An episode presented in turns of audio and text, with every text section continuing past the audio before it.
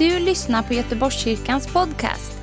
Vi vill att den ska hjälpa dig och uppmuntra dig där du är i vardagen.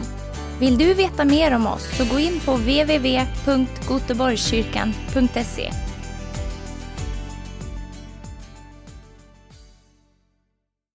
Hallå! Gott att se er alla och jag passar på att säga gott nytt år. Vissa tycker det är lite tidigt, men jag tycker inte det är för tidigt. Så gott nytt år! Eh, jag hoppas att ni har haft en fantastisk kväll. Det har vi som har varit här i alla fall haft, det tycker jag. Jag tycker det är så underbart, välsignat och fantastiskt att få samlas och fira in det nya året tillsammans. Alltså personligen så älskar jag nyår. Jag tycker det är den bästa dagen på året. Tycker det är helt fantastiskt. Jag är så tacksam att få fira tillsammans med er och att få prisa Herren tillsammans. Det känns så otroligt värdefullt och verkligen det bästa sättet att avsluta det gamla året och starta det nya året på. Um, och som Jonathan sa, så ämnet jag ska predika på, det är något jag har haft på mitt hjärta ganska länge. Uh, och när jag förberedde predikan så blev jag själv otroligt uppmuntrad och otroligt styrkt. Uh, och jag är så tacksam för det. Det är så gott, Guds ord är verkligen levande och verksamt. Um, och det som jag kommer predika om är sinnets förnyelse. Och det känns också passande så här inför ehm, det nya året. Och det är också så att de senaste veckorna så har jag pretty much bott i Hebreerbrevet. Jag har levt i Hebreerbrevet, läst fram och tillbaka och bara fått så mycket bra ifrån det. Så mycket av den här predikan eh, kommer vara från Hebreerbrevet. Ehm, men jag tänkte att vi börjar med the very basics när det kommer till sinnets förnyelse. Vem är Gud? Och vem är du i Gud? Och jag tror ni känner igen Johannes 3, 16. Ty så älskade Gud världen att han utgav sin enfödde son för att den som tror på honom inte ska gå förlorad utan ha evigt liv. Inte sände Gud sin son till världen för att döma världen utan för att världen skulle bli frälst genom honom. Så först och främst, Gud, han är en god Gud.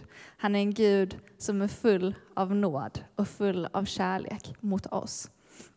Och vi kan frimodigt komma inför honom. Han står inför oss med öppna armar. Verkligen. Och det är så oavsett om man känner sig nära eller långt borta.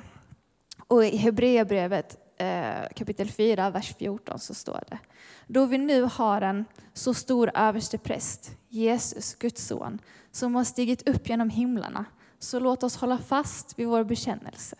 Ty vi har inte en överstepräst som ej kan ha medlidande med våra svagheter. Vi är alltså inte en överstepräst som ej kan ha medlidande med våra svagheter, utan en som blev frestad i allt, liksom vi, men utan synd. Låt oss därför frimodigt gå fram till nådens tron för att få barmhärtighet och finna nåd till hjälp i rätt tid. Och ibland kan det vara så att man känner att man kanske står med skam eller inte lever upp riktigt till måttet och tänker att men Jesus kanske inte kan relatera till mig, jag kan inte relatera till den situationen jag är just nu. Men det står att vi frimodigt kan komma inför honom och han har medlidande med våra svagheter. Oavsett vad våra svagheter är så har han medlidande med dem. Och han har också blivit frestad precis som oss. Han har känt allt det som vi känner men utan synd. Um, så att vi kan verkligen, alltså han förstår oss och vi kan verkligen frimodigt komma inför honom. Och det tycker jag är en så otroligt viktig poäng. Vi kan alltid under alla omständigheter springa till honom, för han förstår oss. Han känner oss. Han vet. Han vet allt. Han känner medlidande med oss. Men det kan också vara så att, att vi, vi har den här tendensen att vi vill springa från Gud när vi har misslyckats, eller vi vill springa från Gud när vi känner att jag känner mig svag, jag lever inte upp till måttet, jag, jag är inte där jag vill vara. Och när vi borde springa till honom så känner vi att men det är lättare att gömma sig, för då kanske vi inte blir fördömda. Det kanske är lättare att gömma sig för att inte få fram svagheten i, i ljuset. Och det är lite som Adam och Eva när man tänker på det och vi kan nästan skratta åt dem ibland när de hade syndat mot Gud och stod där i Edens lustgård och kanske sa till varandra bara, äh, du Adam, inte för att förstöra stämningen men vi kanske borde ta lite löv och springa och gömma oss någonstans. Det har inte gått så bra det här liksom. Och vi kanske kan skratta åt det för det känns lite löjligt. Liksom vilka tror de att de är? Gud är där. Det är inte som att lite löv skulle kunna täcka det som de hade gjort. Men ändå så kan vi ibland själva finna oss i den situationen där vi tar som våra egna små löv och försöker gömma oss från Gud för vi tänker att vi inte kan komma inför honom, att vi inte kan vara nära honom. Men det, mina vänner, är inte sant. Det är inte sant, för det står i Hebreerbrevet 4 vers 16. Låt oss därför frimodigt, ni hörde, frimodigt, okej, okay, gå fram till nådens tron. Vi ska frimodigt gå fram till nådens tron för att få barmhärtighet och finna nåd till hjälp i rätt tid.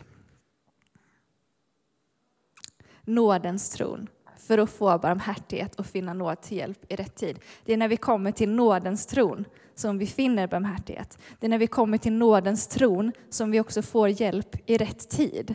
Det är så lätt att tänka att jag måste ha allting liksom i ordning eller in order för att kunna komma till nådens tron. Men det är när vi kommer till nådens tron som vi får hjälp i rätt tid. Det är då vi får ordning på saker och ting. Och Gud, han är inte långt borta, så det är verkligen tid att, att närma sig honom och tid att springa till honom. Och jag vill säga att oavsett vad, så du är inte förkastad.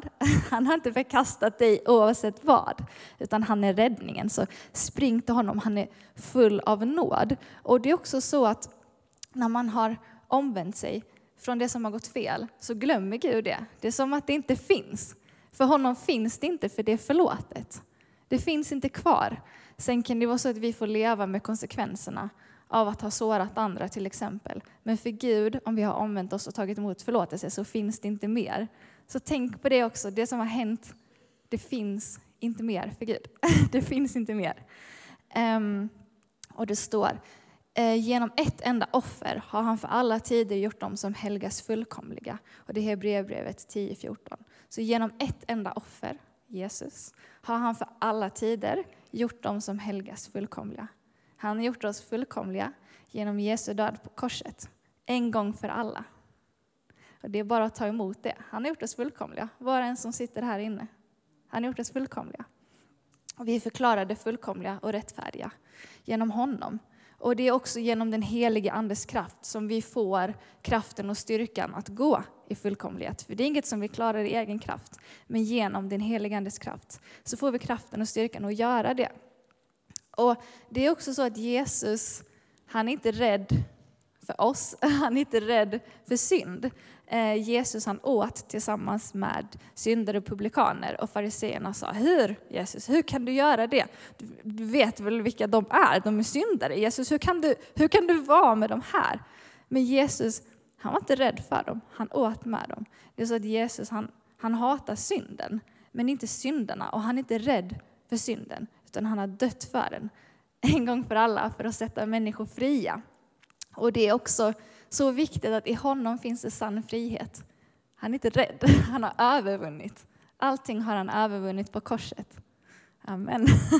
Det är power i det där, för det är sant. Det är sant. Så lev inte i någonting som Jesus redan har tagit. Vi ska inte leva i sånt som Jesus redan har betalat priset för. Utan det är att ta emot förlåtelsen och leva i fullkomligheten. För det är så lätt att själv hålla kvar vid saker, hålla kvar vid gamla grejer och låta det begränsa kanske ens relation med Gud, kanske ens relation med andra eller ens tankar om sig själv eller framtidsutsikter. Men Jesus har betalat priset. Jesus har betalat priset. Um, ja, precis. Det jag vill säga det är ju det att en viktig del av sinnets förnyelse, det är det. Lev inte i, i gamla misstag. Um, verkligen. Det... Ja, amen. Det förflutna ska inte få diktera framtiden. Um, det är Jesus som får diktera framtiden. Um, och fienden vill väldigt gärna så in lögnen att det förflutna dikterar framtiden. Men det är också en lögn. Och ordet säger att det inte är så. Vi kan finna nåd, barmhärtighet i rätt tid och Jesus har betalat priset. Och eh, i Hebreerbrevet, eh, nu har jag inte skrivit exakt vad det är, men vers 12 någonstans i alla fall, så står det, det är en maning till uthållighet. När vi alltså har en så styr, stor sky av vittnen omkring oss, låt oss då lägga bort allt som tynger och särskilt synden som snärjer oss så hårt och löpa uthålligt det lopp som vi har framför oss. Och låt oss ha blicken fäst på Jesus, trons upphovsman och fullkomnare, eh, som istället för den glädje som låg framför honom utstod korsets lidande utan att bry sig om skammen och som nu sitter på högra sidan om Guds tron. Tänk på honom som måste uthärda sådan fiendskap från syndare. Annars tröttnar ni och tappar modet. Och det kan ibland vara så väldigt lätt att tappa modet. För vi ser det som händer i världen. Vi ser konflikter, vi ser krig, vi ser problem, vi läser nyheterna och vi fylls med allting som är fel. Det finns ett sånt mörker. Och jag vet inte hur det är med er, men flera gånger har jag känt att jag bara tappar modet. Och eh, som flera av er vet så är jag socionom, jobbar med socialt arbete. Eh, och socialt arbete innebär att man, man ser mycket problem. Eh, du ser väldigt mycket saker som är fel. Eh, och jag har nyss börjat på ett nytt jobb. Eh, jag jobbar med barnfamiljer där det är föräldrar som egentligen brister i sitt föräldraskap och barn som, som inte har det bra. Barn som har varit med om saker som barn inte ska vara med om. Och de första veckorna på det jobbet tyckte jag var jättetunga. För det blir så påtagligt vilket mörker det finns i världen. Och det, det krossade mitt hjärta. Jag måste säga att jag tappade faktiskt modet där ett tag för att jag såg att det är inte bra. Och det som världen och psykologin säger egentligen är att om de har liksom fått de här problemen i barndomen så kommer det påverka dem resten av livet och det blir som generationer av problem. Och det är vad världen säger och vad psykologin också säger och vad vetenskapen säger. Och det var så lätt att tappa modet. Och kanske ni också möter människor, om det är barn på en skola eller vad den är, att det finns barn som, som kanske också är utdömda av människor eller samhället. Att den här personen kommer aldrig bli någonting för de har de här och de här problemen, kanske de här och de här beteendeproblemen eller de här, den här bakgrunden.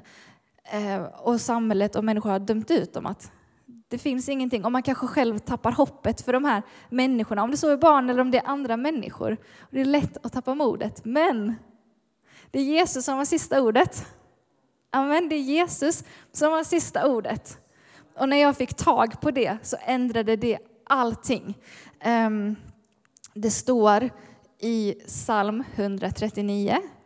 Du har skapat mina njurar. Du sammanvävde mig i moderlivet. Jag tackar dig för att jag är så underbart skapad. Jag underbara är dina verk. Min själ vet det så väl. Benen i min kropp var ej osynliga för dig när jag formades i det fördolda. När jag bildades i jordens djup. Dina ögon såg mig när jag ännu var ett outvecklat foster. Alla mina dagar blev skrivna i din bok. De var bestämda innan någon av dem hade kommit. Hur outgrundliga är inte för mig dina tankar, Gud? Hur stor är inte deras mångfald? Skulle jag räkna dem är de fler än sandkornen. Och det här är sant för dig och mig och det är också sant för dem som vi möter. För de här människorna som är utdömda, de är skapade av Gud. Han hade en plan för dem redan i moderlivet. Hans tankar för dem är fler än sandkornen. Och när vi får tag på det så kan vi se människor som Gud ser dem och få vara ett ljus på de platserna där vi möter människor. Och vi får en ingång att be. Och Jesus förmår ju att förvandla situationer. Han förmår att göra det omöjliga möjligt. För den här världen har inte det sista ordet. Jesus har det sista ordet. Och han vill verka och han vill göra mirakler. Tror vi på detta? Amen, vi tror på detta. Det är sant. Och jag tror att han har satt oss som ljus på de ställena vi är. Om det så är arbetsplats eller där vi bor eller där vi studerar. Han har satt oss som ljus för att tala liv. För att tala hans sanning. För att se saker också med ett förnyat sinne och se människor som han ser dem och ha ett perspektiv som är hans perspektiv. Det är också det som det är att vara salt på jorden, att vara ett ljus i mörkret. Så enkelt kan det vara egentligen, att se människor så som Gud ser dem. Amen. Och eh, i Romarbrevet 12 kapitel 2 så står det och anpassa er inte efter den här världen utan låt er förvandlas genom sinnets förnyelse så att ni kan pröva vad som är Guds vilja, det som är gott och fullkomligt och som behagar honom. Så låt oss se det som Gud ser med ett förnyat sinne och inte det som världen ser. Och ibland kan det också vara bra att göra som en, jag kallar den heart check. Man kollar på sin egen insida. och eh, det står i Ordspråksboken 27, 19. Som ansiktet speglar sig i vattnet, så speglar hjärtat människan. Hur står det till i ditt hjärta? Hur mår ditt hjärta? Hur mår ditt sinne? Är det mycket mörker? Behöver Guds ljus trängas in? Behöver du bli påmind om hans godhet, om hans nåd, hans kärlek? Um, så, jag läser det igen. Ordspråksboken 27.19. Som ansiktet speglar sig i vattnet, så speglar hjärtat människan. Och i Lukas 6, 45 eh, så står det, ty vad hjärtat är fullt av, det talar munnen. Och eh, det bibelordet har jag en lite speciell relation till. vad hjärtat är fullt av talar munnen. Det är väldigt sant, men när jag var yngre så var det vad min pappa brukade säga till mig. Du Sara, vad hjärtat är fullt av, det talar munnen. Och jag pratar nog ganska mycket struntprat, så jag bara, ja, det är nog sant. Jag vill inte riktigt kännas vid det. Men det som vi talar reflekterar också faktiskt vad som finns eh, på vår insida, i vårt hjärta. Ehm, talar du tro? Talar du liv? Talar du hopp? Eller talar du negativitet, fruktan, oro, brist på tro?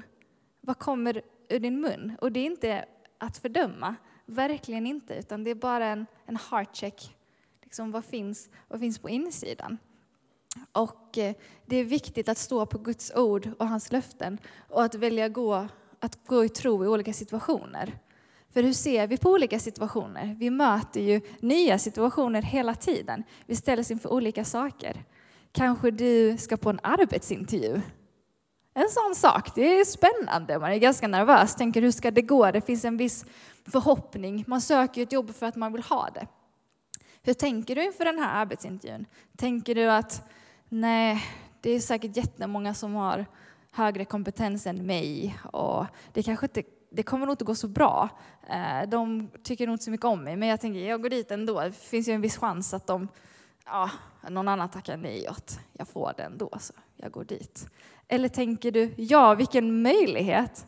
Guds godhet och nåd följer mig. Hans favör omringar mig, han är med mig. Jag ska gå på den här intervjun och jag förväntar mig att, att Gud kommer välsigna detta.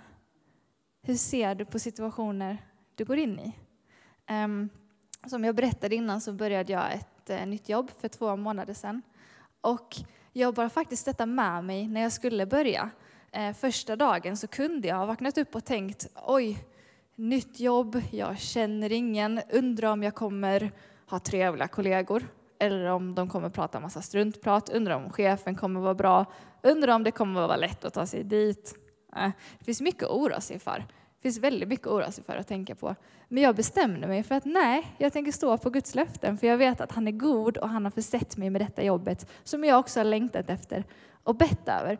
Så det jag tänkte när jag vaknade på morgonen var, det här kommer bli en bra dag. För att Guds godhet och nåd följer mig. Jag ser fram emot att träffa mina kollegor. Jag ser fram emot att få lära känna de här människorna. Jag ser fram emot att få vara ett ljus på den här platsen. Att få komma med glädje och att genom det vara med, vara med och utbreda Guds rike. Jag visste inte hur det skulle bli. Jag visste inte, men jag valde att gå in med inställningen att det kommer bli bra för att Gud är med mig. Och jag tror på hans löften och jag tror på hans godhet. Vi kan gå in i situationer med en attityd av tro, av hopp. Jag tror det är så viktigt och där är faktiskt någonstans ett val vi kan göra. Vi kan välja. Vill vi gå in med ett förnyat sinne? Eller vill vi gå in med negativitet och kanske ett förmörkat sinne? Eller i alla fall ett väldigt mänskligt sinne. Ehm, och det kan också vara i situationer som vi kanske inte kan ändra på just nu. En situation eller omständighet kanske inte är precis som man vill ha det. Det kanske inte är precis som man längtar efter eller drömmer. Det kanske är ett jobb som är jättetråkigt och du önskar att du bara kunde få byta till något annat. Men ändå, just den dagen så måste du gå dit. När du går upp på morgonen kanske du tänker, ah, en till jobbdag. Känns lite tungt. Hade hellre varit hemma och gjort något annat. Men man kan också se det som att man vaknar upp och bara, okej okay, Gud, det här kanske inte är vad jag längtar efter just nu och jag tror att du har någonting gott i framtiden. Men för den här dagen så tackar jag dig för den här dagen. Jag tackar dig för det här jobbet som kan försörja mig, se till att jag har mat på bordet. Det här jobbet som ser till att jag kan få vara ledig andra dagar. Och att man går in med inställningen kanske att inte vad man kan få, eh, utan vad man kan ge. Herre, hur kan du använda mig idag på den här platsen där jag kanske egentligen inte vill vara just nu, men just idag så är jag här. Hur kan du använda mig just nu och just idag? Och jag tror att en sån inställning också förvandlar mycket i vårt hjärta och att det sprider ett ljus. Och detta är ju liksom inte positive thinking. Det är inte någon så här positive affirmations, det är inget positivt tänkande, utan det är kraften i Guds ord. Ehm, det står att Guds ord är levande och verksamt så att det skiljer en något tveeggat svärd och tränger igenom så att det skiljer själ och ande, led och märg och det är en domare över hjärtats uppsåt och tankar. Guds ord är levande och verksamt och när vi står på hans ord och talar ut hans ord, då finns det kraft i det. Så det är inget flummigt, det är inget påhitt, utan det är Guds ord. När vi står på hans ord så finns det kraft i det och förändrar situationer. Och jag tror också det finns några praktiska steg för att förnya sinnet. Nu har jag pratat lite grann, men vi gillar väl lite praktiskt, ett, två, tre, sådär. Det blir konkret och tydligt. Ehm, ett sätt, ehm, ett praktiskt steg för att få ett förnyat sinne, det är att läsa Bibeln, Guds ord, att studera det, att fylla sig med det, att lyssna på sund undervisning, att bemöta sina egna tankar med Guds ord. Ehm, och du kanske tänker, att jag duger ingenting till. Vad säger Guds ord? Säger han så? Han säger inte så. Vad säger han? Du är älskad, du är värdefull, han har en plan för dig. Det är det han säger. Det är det han säger, han säger inget annat. Fyll dig med Guds ord. Um, du kanske tänker, det kommer inte gå bra för mig. Han säger, min favör omger dig. Min välsignelse följer dig. Om du följer mig. Det är det han säger. Är det det vi tror på? Yes. Är det det vi ska förvänta oss? Yes, det är det vi ska förvänta oss. För det är Guds ord. Och att hans godhet och nåd ska följa oss alla våra livsdagar. Att han ska välsigna vår ingång och vår utgång. Vi kan förvänta oss det. Ehm, och steg nummer två är bön att vi har ett aktivt böneliv. Och bön behöver inte vara något komplicerat. Det behöver inte vara att man stänger in sig i två timmar i sin kammare. Det finns de stunderna också. Men det är så viktigt med den här dagliga bönen, som är ett samtal med Gud, som är ens bästa vän. Man kan sitta på bussen och bara, ah, Gud, den här låten jag lyssnade på var, det var ganska bra. Alltså det kan vara ett samtal som en vän. Men det är så viktigt att vi kommer till honom också i bön med allting och låta honom förnya vårt sinne. Och vissa situationer kan vi inte kanske göra någonting åt just då, men vi kan bära fram det till Gud i bön och be honom att verka och lägga det i hans händer. Vi kanske inte kan bära det själva, men vi kan ge det till honom. Och då behöver vi inte bära det själva.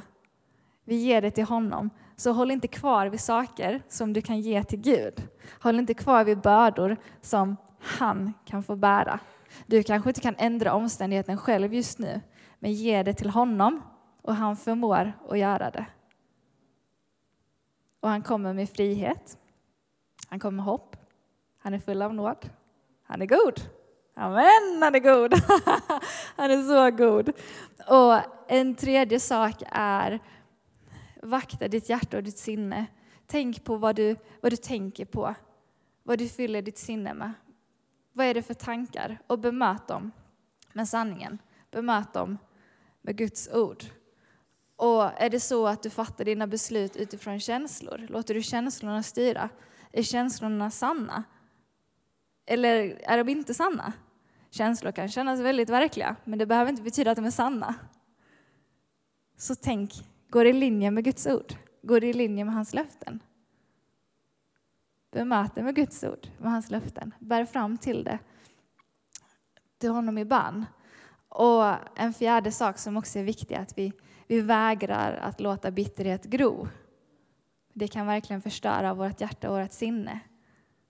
Och vi blir sårade hela tiden för att det är en brusten värld. Men vägra låta det gro. Bemöt det med Guds kärlek, med hans nåd. Ge det till honom. Och återigen, Guds ord. Guds ord. Det är kraft i Guds ord. Det är kraft i hans ord. Så det är praktiska steg man kan ta för sinnets förnyelse. Vi kan välja vår attityd. Men det är också helig andes kraft. För vi kan inte förnya vårt sinne själva. Utan det är helig andes kraft som vi blir förvandlade. Och han är god. Och Gud är god. Och för att koppla till det jag sa från början, vi kan frimodigt komma till honom. Frimodigt. Frimodigt komma inför hans tron. Frimodigt prisa honom, frimodigt be till honom, frimodigt tacka honom. Vi kan frimodigt komma in till honom. Låt oss göra det 2023. Låt oss frimodigt komma inför hans tron. Finna nåd i rätt tid. Låt oss gå in i 2023 med ett förnyat sinne så att vi ser på situationer som Gud ser dem, med tro. Så att vi ser på människor så som Gud ser dem, med hopp och med kärlek. Det kommer göra så mycket gott, både i våra egna liv, våra egna sinnen och för människor runt omkring oss. Så amen. Amen. Jag vill bara be en bön och sen tror jag det är dags för lovsångsteamet. Um, så vi prisar till Gud och frimodigt kommer inför honom. Okej, okay? frimodigt. Yes, så låt oss prisa honom frimodigt. Och Fader, jag vill bara tacka dig för att du är så god. Jag tackar dig för att du älskar var och en här inne, Herre. Att varenda människa är så dyrbar, så skapad av dig, Herre. Så älskad, så värdefull, Herre. Tack för att det inte finns någonting som kan skilja oss från dig, Herre. Tack för att du kallar oss, för att du drar oss nära. Tack för att du återupprättar, tack för att du förlåter. Tack, Herre, för ditt otroligt goda verk, Herre. Jag tackar dig för att du förmår att göra så långt mycket mer än vad och vi kan be om eller ana, Herre.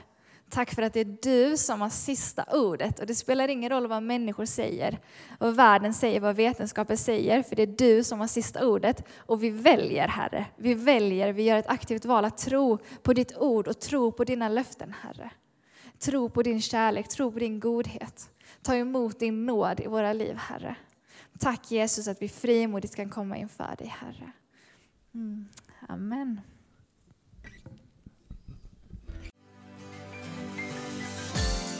Tack för att du har lyssnat. Dela gärna podden med dina vänner och glöm inte prenumerera.